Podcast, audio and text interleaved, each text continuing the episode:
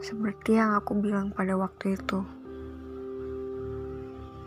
bahwa setiap masa lalu harus tetap tinggal di sana.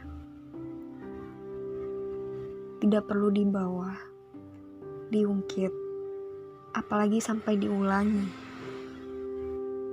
Karena kita ini sudah dengan orang yang berbeda. Dengan cerita yang justru sangat berbeda.